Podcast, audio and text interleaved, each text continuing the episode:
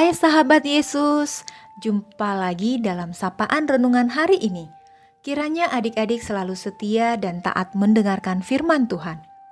Renungan hari ini dari Amsal 14 ayat 30 sampai 35 dengan judul Burung Dara yang Iri Hati.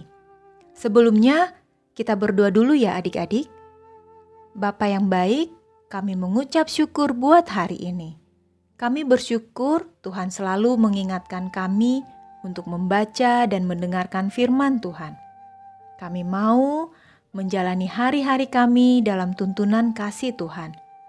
Tuhan, pimpinlah kami agar mengerti firman-Mu. Dalam nama Tuhan Yesus kami berdoa. Amin. Pembacaan Alkitab dari Amsal 14 ayat 30 sampai 35. Demikian firman Tuhan. Hati yang tenang menyegarkan tubuh, tetapi iri hati membusukkan tulang. Siapa menindas orang yang lemah, menghina penciptanya. Tetapi siapa menaruh belas kasihan kepada orang miskin, memuliakan dia. Orang fasik dirobohkan karena kejahatannya tetapi orang benar mendapat perlindungan karena ketulusannya.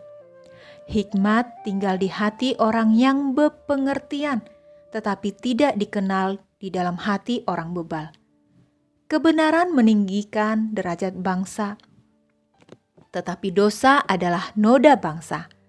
Raja berkenan kepada hamba yang berakal budi, tetapi kemarahannya menimpa orang yang membuat malu. Demikianlah pembacaan Alkitab. Adik-adik, fokus dalam renungan kita adalah ayat 30. Sekali lagi tante bacakan ya. Hati yang tenang menyegarkan tubuh, tetapi iri hati membusukkan tulang. Iri hati. Adik-adik tahu arti iri hati? Kadang disebut juga cemburu.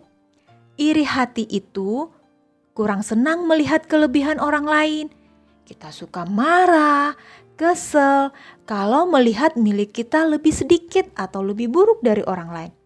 Seperti cerita berikut. Ada burung dara dan burung puyuh. Kandang mereka berhadap-hadapan. Burung dara setiap hari memperhatikan sang pemilik yang memberi makan burung puyuh lebih banyak daripada burung dara.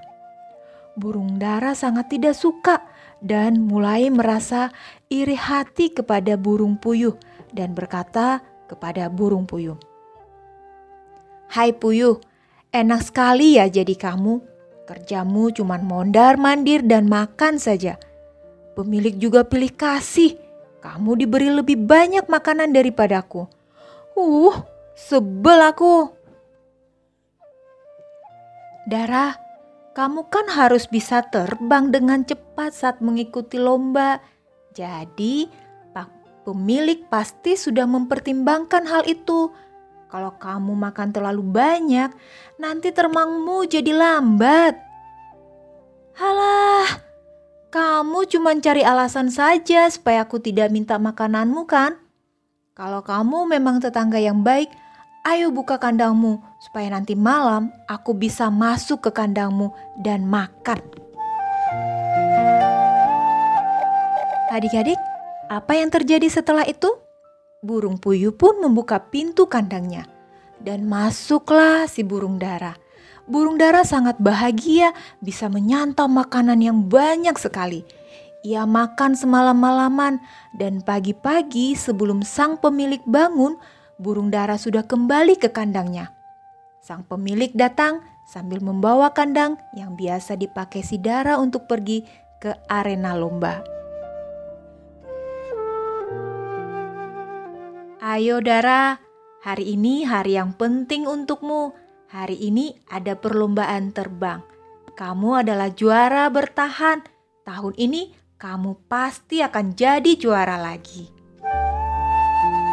Nah, Adik-adik, apa yang terjadi dengan burung dara yang kekenyangan itu?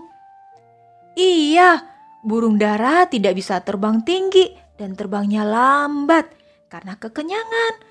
Badannya terasa berat, perutnya penuh dengan makanan. Dan burung dara tidak bisa memenangkan lomba tersebut. Sangat disayangkan ya, akibat iri hati karena tidak mendapatkan makanan yang sama dengan burung puyuh, burung dara tidak bisa memenangkan perlombaan. Padahal pemilik sudah memberi jatah makanan sesuai kebutuhan masing-masing burung. Adik-adik, iri hati tidak ada gunanya, seperti yang dikatakan dalam kitab Amsal ayat 30. Dan kisah burung dara yang barusan kita dengarkan adalah contoh yang nyata yang menyatakan bahwa iri hati itu benar-benar merugikan diri sendiri. Jadi adik-adik ingat ya, iri hati membawa celaka.